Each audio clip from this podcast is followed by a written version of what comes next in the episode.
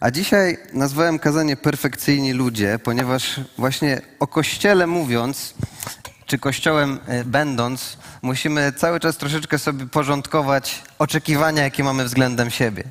Bo z jednej strony zapraszamy nas teraz, żeby poznać się, dziękujemy, cieszymy się, że spotykamy się razem. Po to Kościół jest, aby być razem, aby być w połączeniu z Bogiem i w połączeniu z innymi ludźmi, ale kiedy już się tutaj jest, no to pierwsze wrażenie jest bardzo krótko, a bycie razem to jest długa droga.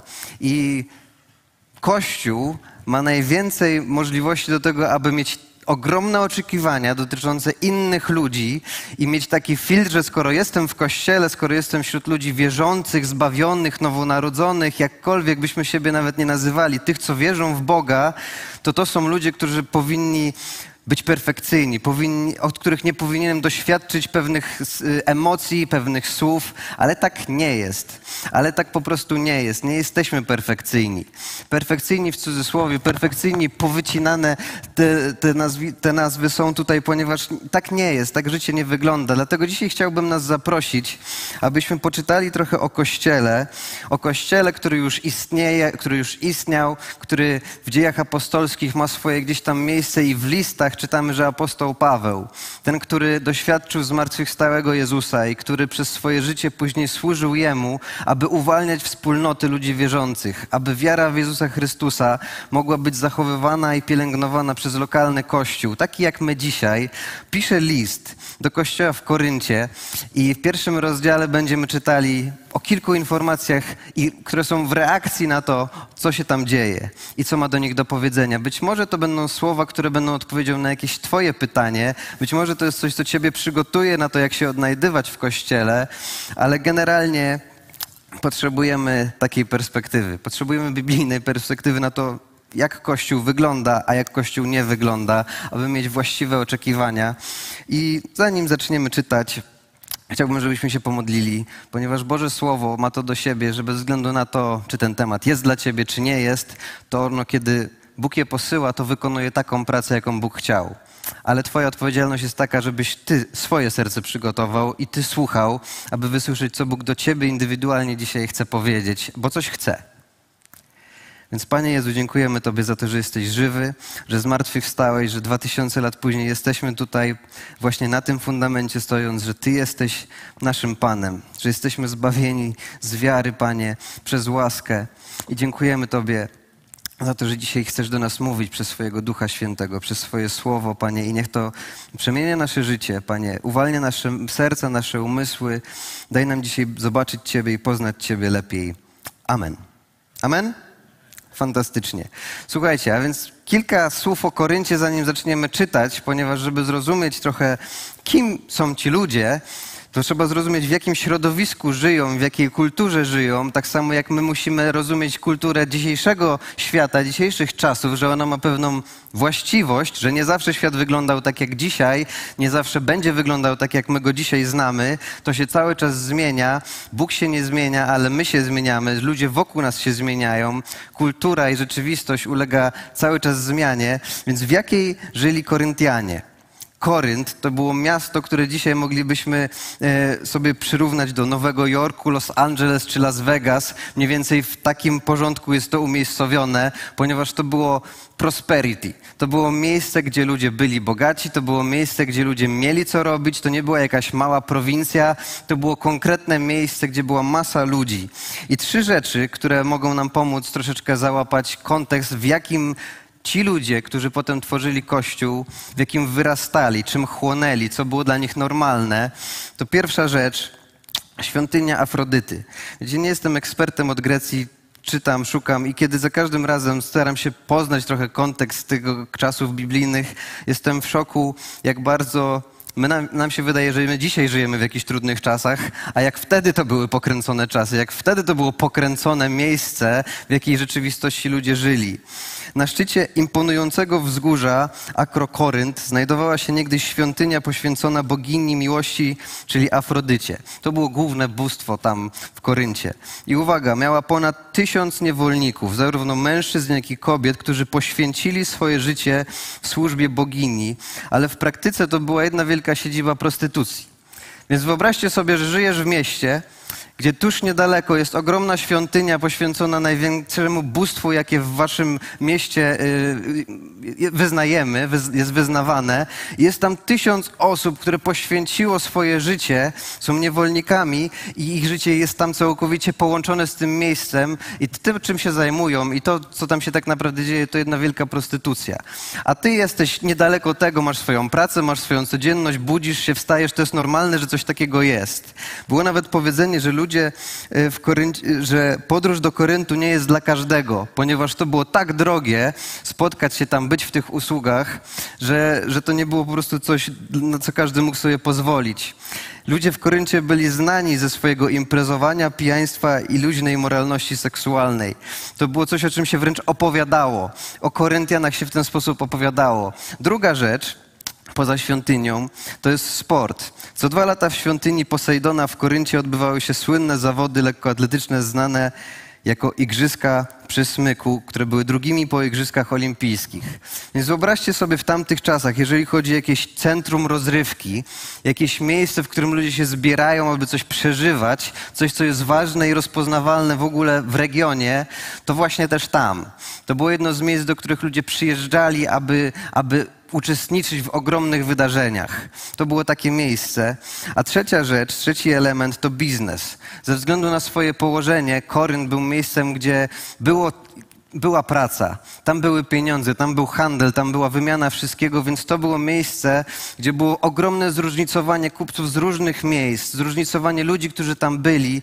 I tak jak współcześnie możemy sobie wyobrazić, są takie miejsca, są takie miasta, gdzie po prostu wchodzisz i jest różnorodnie. Nie wiem, kiedy ostatnim razem odwiedziliście centrum Warszawy, ale Warszawa w tych czasach staje się takim miejscem. Stolica staje się takim miejscem, gdzie jest zróżnicowanie, różnice y, kultur, języków, kolorów, wszystkiego. Naprawdę i Korynt był takim miejscem.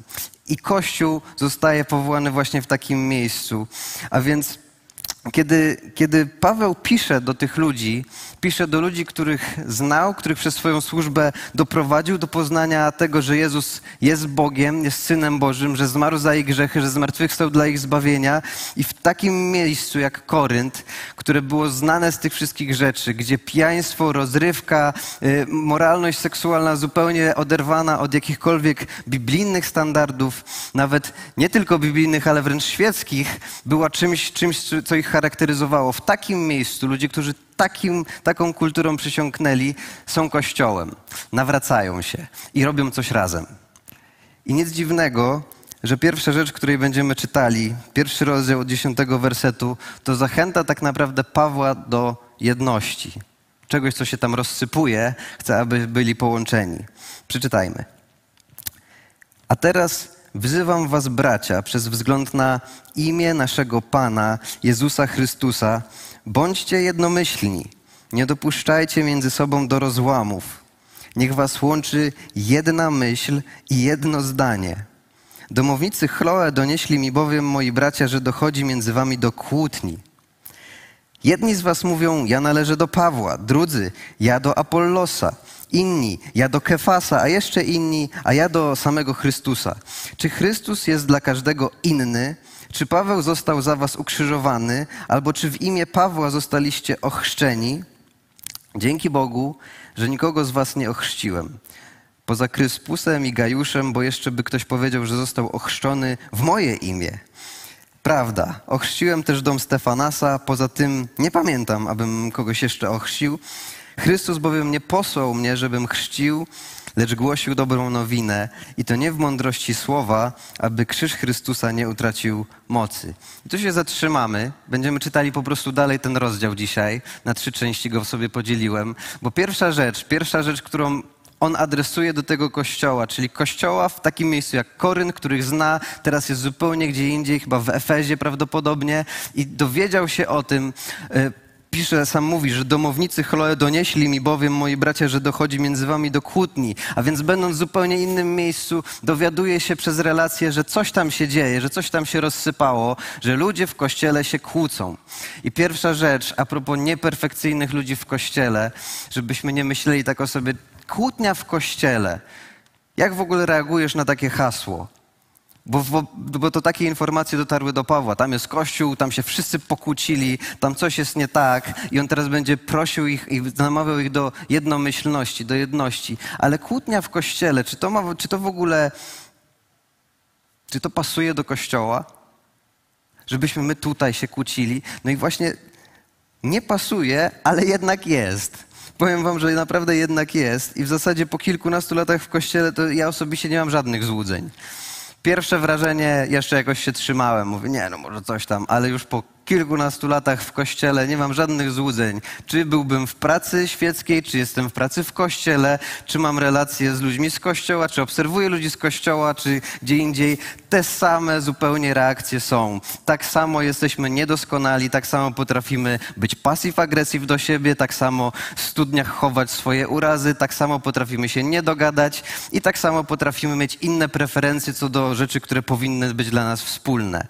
Dlatego w Kościele naprawdę niczym się nie różnimy, jeżeli chodzi o mechanizmy, które często są. I tam było dokładnie tak samo. Kłótnie w Kościele. I Paweł jak pisze do Kościoła, ponieważ mamy aż dwa listy, wiemy troszeczkę więcej, to możemy sobie scharakteryzować, z czym oni już wtedy mieli problemy. Posłuchajcie mają problemy z moralnością, mają problemy z doktryną, mają problemy z zarządzaniem życiem Kościoła, mają problemy z darami duchowymi, mają problemy w służbie i mają problemy z autorytetem. To jest Kościół naprawdę z problemami. To jest Kościół, który jest biblijnym kościołem, do którego pisze sam apostoł Paweł. Jest kościołem, który ma tyle problemów w środku, że w zasadzie Wymyśl sobie jakieś, prawdopodobnie oni go mieli.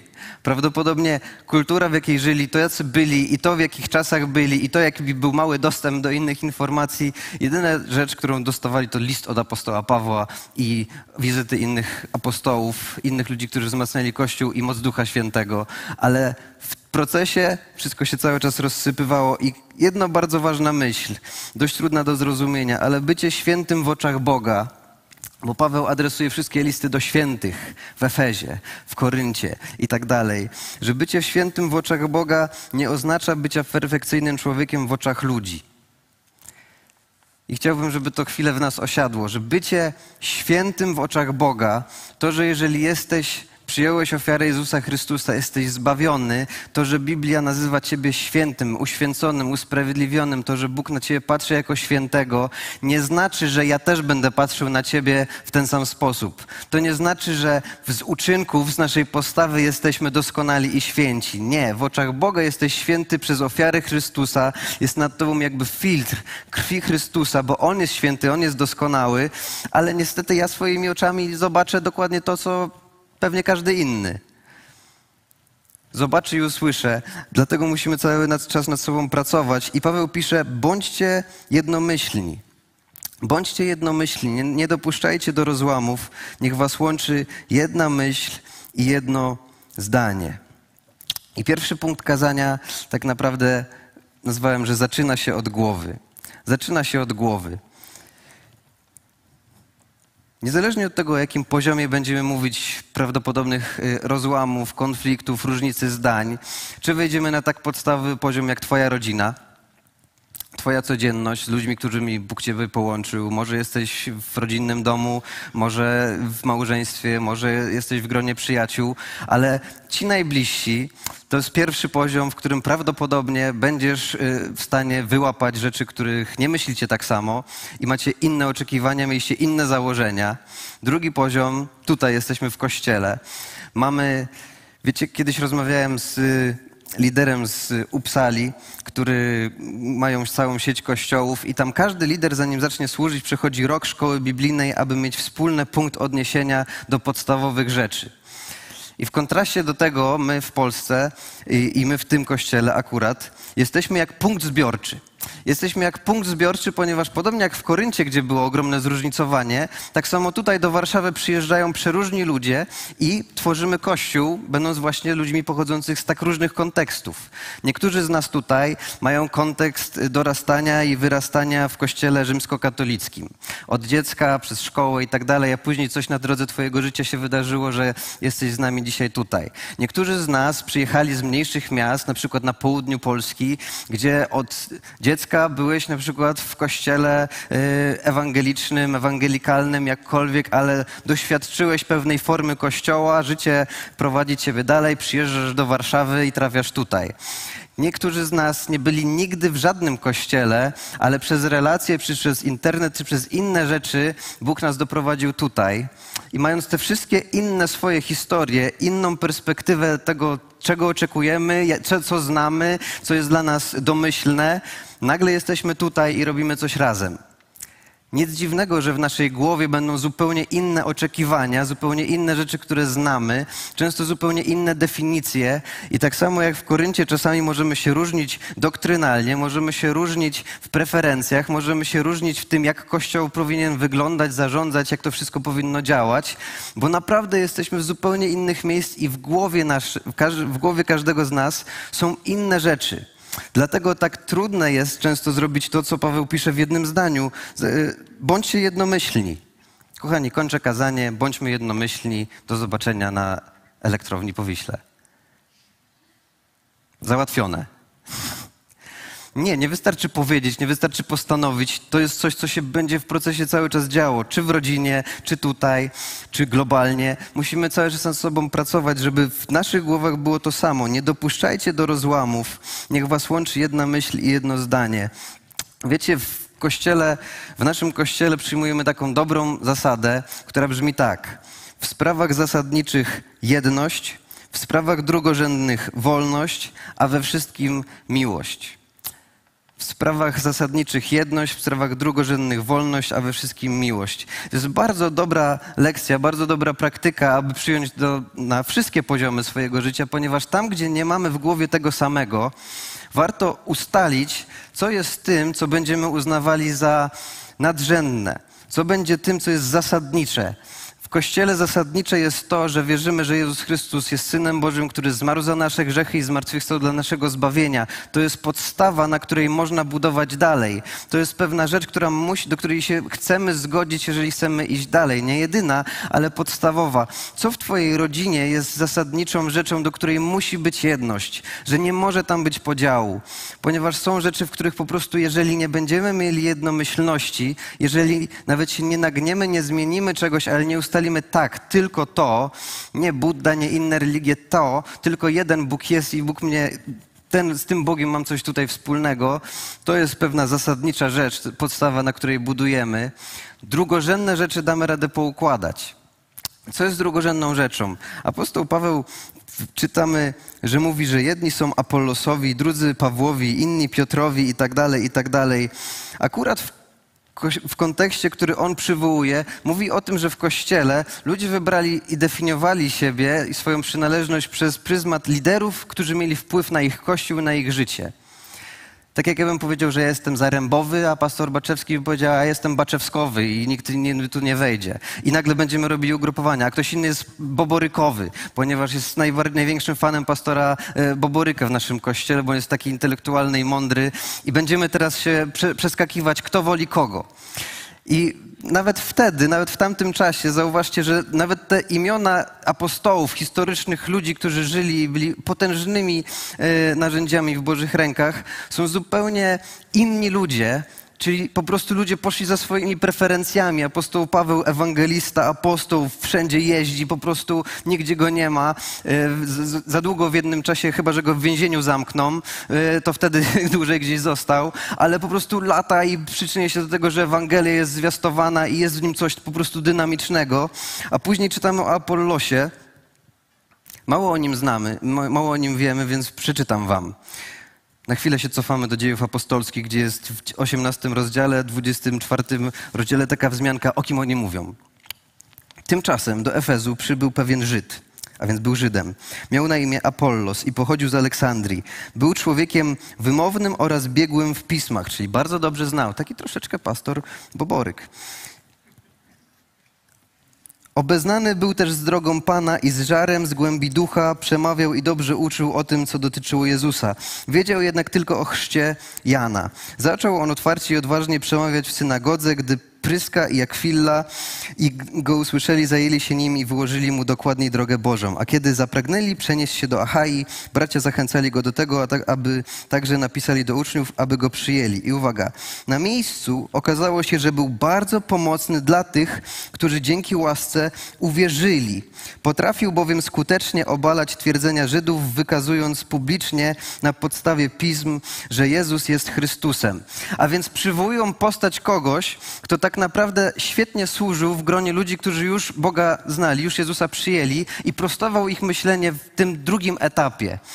To jest kolejny, inny, inna forma służby. Apostoł Piotr, pierwszy z nich wszystkich, a niektórzy w ogóle pomijają, a ja tylko do Chrystusa należę, reszta w ogóle nie istnieje dla mnie.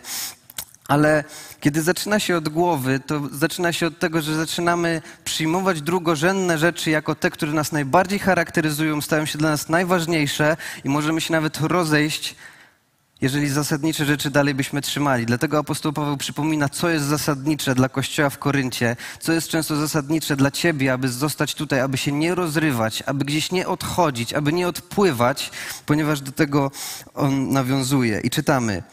Gdyż Boże Słowo o krzyżu jest głupstwem dla tych, którzy giną, dla nas jednak, którzy dostępujemy zbawienia, jest mocą Bożą. Czytamy bowiem, zniszczę mądrość mądrych i udaremnie rozwiązania rozumnych. Gdzie jest mądry, gdzie uczony, gdzie badacz tego wieku? Czy Bóg nie uczynił głupstwem mądrości tego świata? Skoro świat przez swoją mądrość nie poznał Boga w jego boskiej mądrości, spodobało się Bogu zbawić wierzących przez głoszenie głupiego poselstwa. I uwaga, podczas gdy Żydzi domagają się znaków, a Grecy szukają mądrości, my głosimy Chrystusa ukrzyżowanego dla Żydów wprawdzie skandal, a dla pogan głupstwo. Natomiast dla powołanych tak Żydów, jak i Greków głosimy Chrystusa, który jest mocą Bożą i mądrością Bożą, gdyż głupstwo Boże jest mądrzejsze niż ludzie i jego słabość jest od nich mocniejsza. Rozwiązaniem Pawła i rzeczą, do, od której zaczyna, aby zacząć porządkować to, co się zaczęło rozjeżdżać w Koryncie, jest przywołanie tego, co jest nadrzędne i co powinno być zawsze tym, do czego powracamy. Osoba Jezusa Chrystusa. Dla niektórych to będzie skandal, dla niektórych to będzie głupota i zawsze tak było i niestety prawdopodobnie zawsze tak będzie, ale mówienie o tym, że Jezus Chrystus dwa tysiące lat temu umarł i zmartwychwstał, nie będzie miało sensu i nie będzie wystarczającą, niesamowitą informacją dla wielu, ale Paweł mówi, to jest nasza siła i to jest nasza moc. Kościele w Koryncie możecie się zna, nie, zna, nie zgadzać doktrynalnie, możecie mieć inne preferencje liderskie, możecie mieć problem z autorytetem, możecie mieć problem z tym, jak Kościół powinien być zarządzany, możecie mieć problem z nauczaniem, możecie mieć problem po prostu we wszystkim, ale jeżeli pamiętacie, że Jezus Chrystus jest podstawą, to jest szansa na to, aby tą jednomyślność uzyskać. Apostoł Paweł od tego zaczyna. Ale chciałbym, żebyśmy zobaczyli ten 22 werset. Podczas gdy Żydzi domagają się znaków, a Grecy szukają mądrości. Bo wiecie, nie, bez względu na to, czy byśmy mówili o Koryncie 2000 lat temu, czy będziemy mówili o świecie dzisiaj, są takie dwie potrzeby. I są takie dwie, w kościele prawdopodobnie dwie rzeczy, które czasami mogą stanąć naprzeciw, przeciwko Tobie i głębszej relacji z Bogiem. Żydzi potrzebowali znaku, szukali znaku, szukali tego upewnienia. Nawet Jezusa wielokrotnie prosili o to, pokaż nam jakiś znak. Jeżeli jesteś to, niech coś się stanie. I on wtedy specjalnie na przykład tego nie robił. Inni ludzie potrzebują mądrości, potrzebują od początku do końca, od A do Z, zrozumieć, jak to wszystko ma działać, i dopiero wtedy powiedzą: OK, jestem z wami. Ale Ewangelia nie daje odpowiedzi, nie zaspokaja tych obu potrzeb.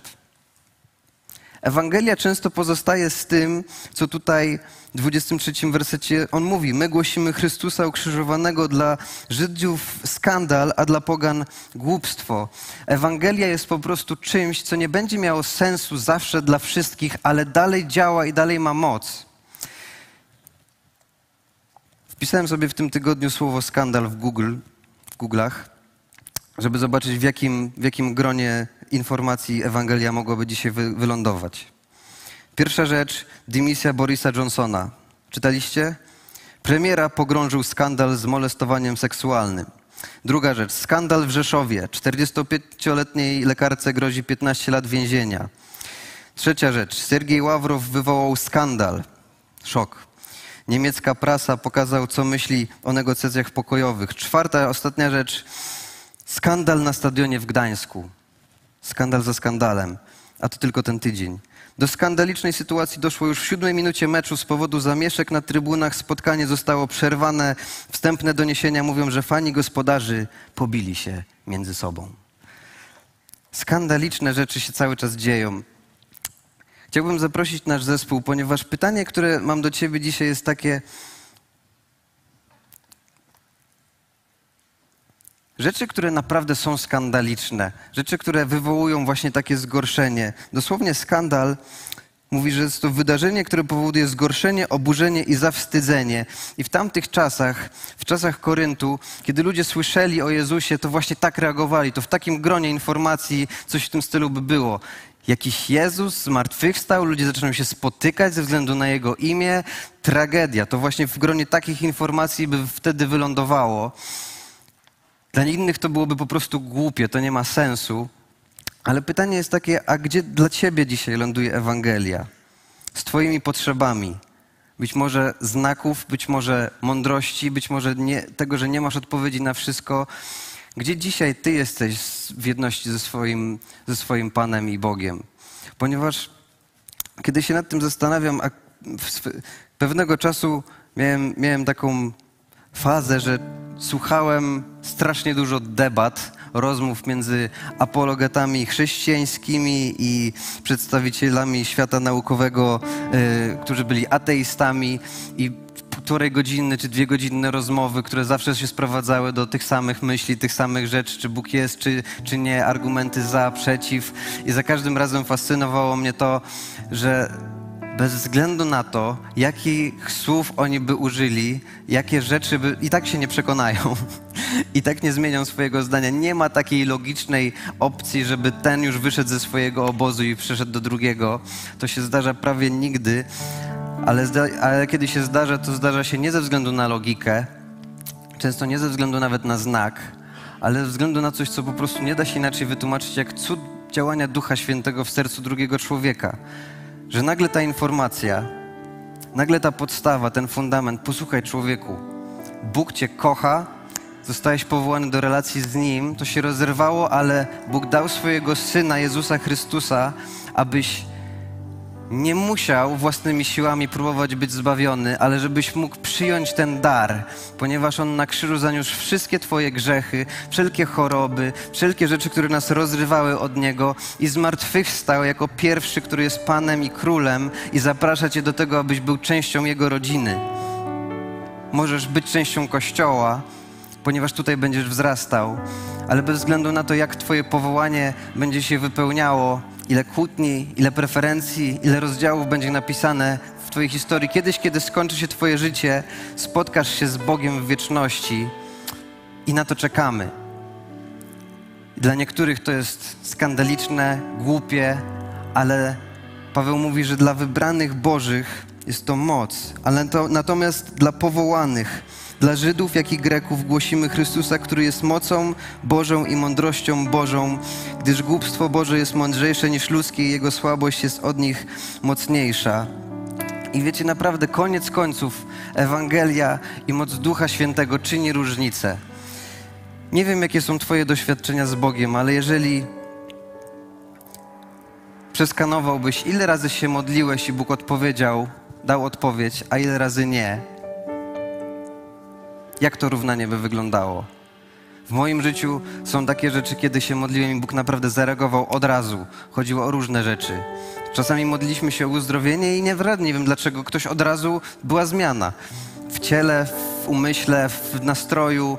Kiedy się modliliśmy o finanse nasze czy innych, często Bóg reagował od razu, momentalnie, w różne sposoby, ale wiedzieliśmy, że Bóg zadziałał. Ale są też takie historie, gdzie się modliliśmy, szukaliśmy i kompletnie nie rozumiem, dlaczego do dzisiaj Bóg czegoś nie zrobił albo zrobił inaczej.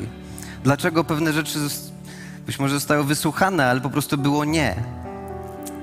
Często towarzyszenie ludziom, którzy są w tym miejscu, dlaczego Bóg nie odpowiedział, nie zrobił, po prostu jest strasznie trudne, ponieważ ostatecznie tam nie ma logiki, nie, nie masz odpowiedzi. Jedyne, co możesz powiedzieć, Jedyne, co możesz zrobić, to kochać i być dla tego drugiego człowieka. I jedyne, co możesz zrobić, to służyć tak, jak Jezus służył. Ale jedyna zmiana, która się dzieje, to wtedy, kiedy naprawdę Duch Święty przychodzi i coś zmienia w sercu. Że te rozłączone, źle połączone, źle ustawione rzeczy, które często są z kontekstu naszego życia czy z historii bieżącego, bieżącej naszego życia, nagle przychodzi i jakoś porządkuje, jakoś to prostuje.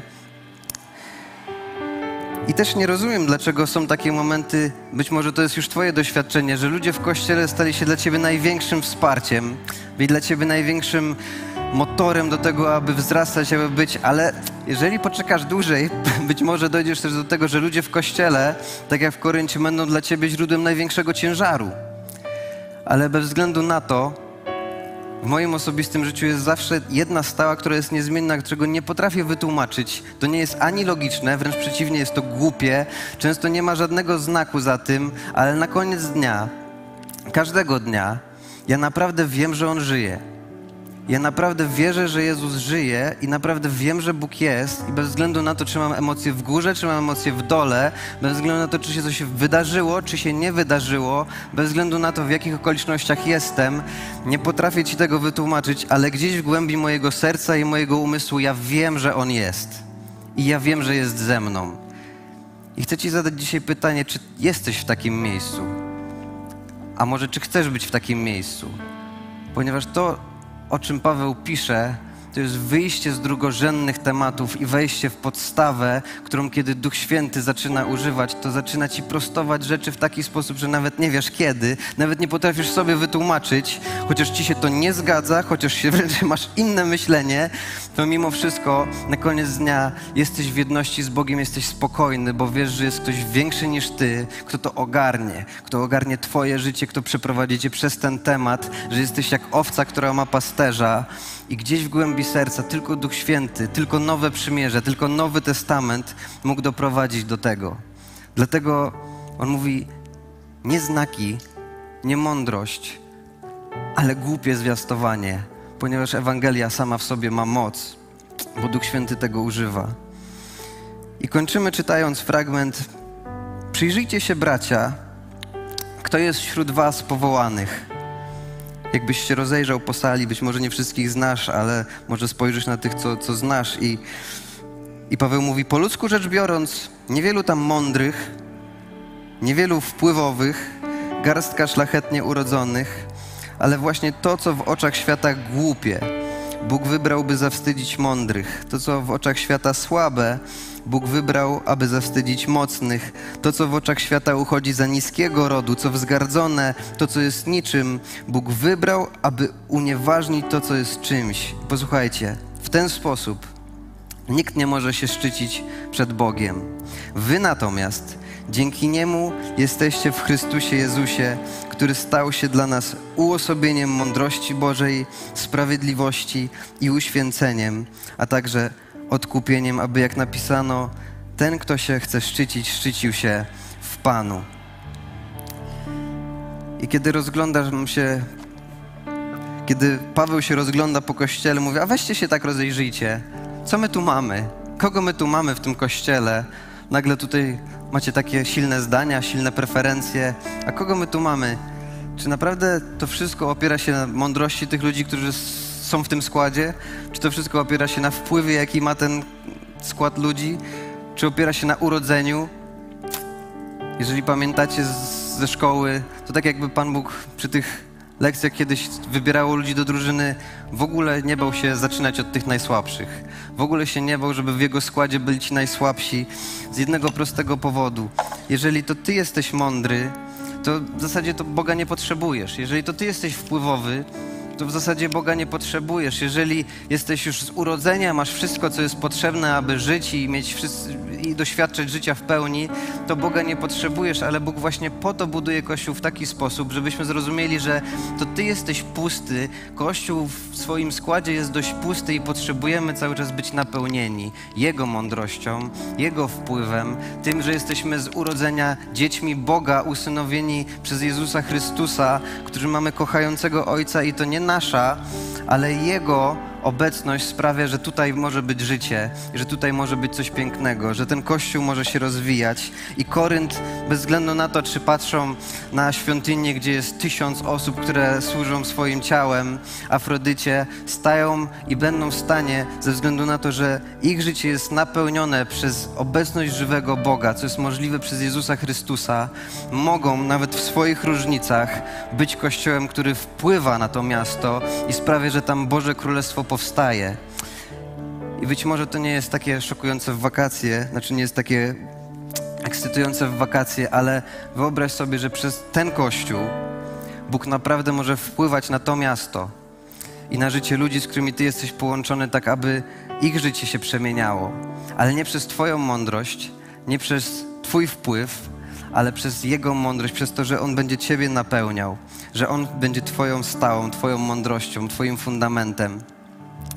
Więc bycie Kościołem to jest piękna przygoda, ponieważ sprowadza się do tego, że najpierw zaczynasz od tego, że potrzebujesz, aby Bóg napełnił Twoje życie, a później odkrywasz, że w zasadzie to On musi napełnić każdą inną sferę Twojego życia i relacji i polegać na Nim, bo my sami z siebie nie damy rady. Chciałbym zaprosić Was, żebyśmy wstali, pomodlili się.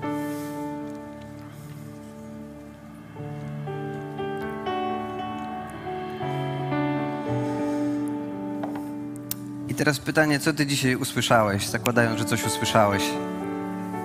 Nie jesteś perfekcyjny i to nie jest kościół dla perfekcyjnych ludzi, więc jesteś w dobrym miejscu, jeżeli popełniasz błędy i, nie jest dobrze. Jeżeli doświadczyłeś czegoś, masz jakiś uraz do kościoła, to też odetchnij. Tak było w Koryncie i tak jest być może i tutaj. Ale recepta jest zawsze ta sama. Fundament to Jezus Chrystus i być może dzisiaj potrzebujesz zaprosić Go, aby napełnił jakąś sferę Twojego życia tym, kim On jest, odświeżyć to w sposób, który On jest w stanie odświeżyć, a nie o własnych siłach. Tak samo jak się sami nie zbawiamy, tak samo sami nie, stanie, nie damy rady budować relacji, nie damy rady budować jedności. Dlatego tak jak się nauczyliśmy Chrystusa, tak w Nim chodźmy. To zawsze się sprowadza do tego, że nie Twoja, ale Jego obecność Jego siła jest gwarantem tego, żeby coś w tym życiu się dobrego działo.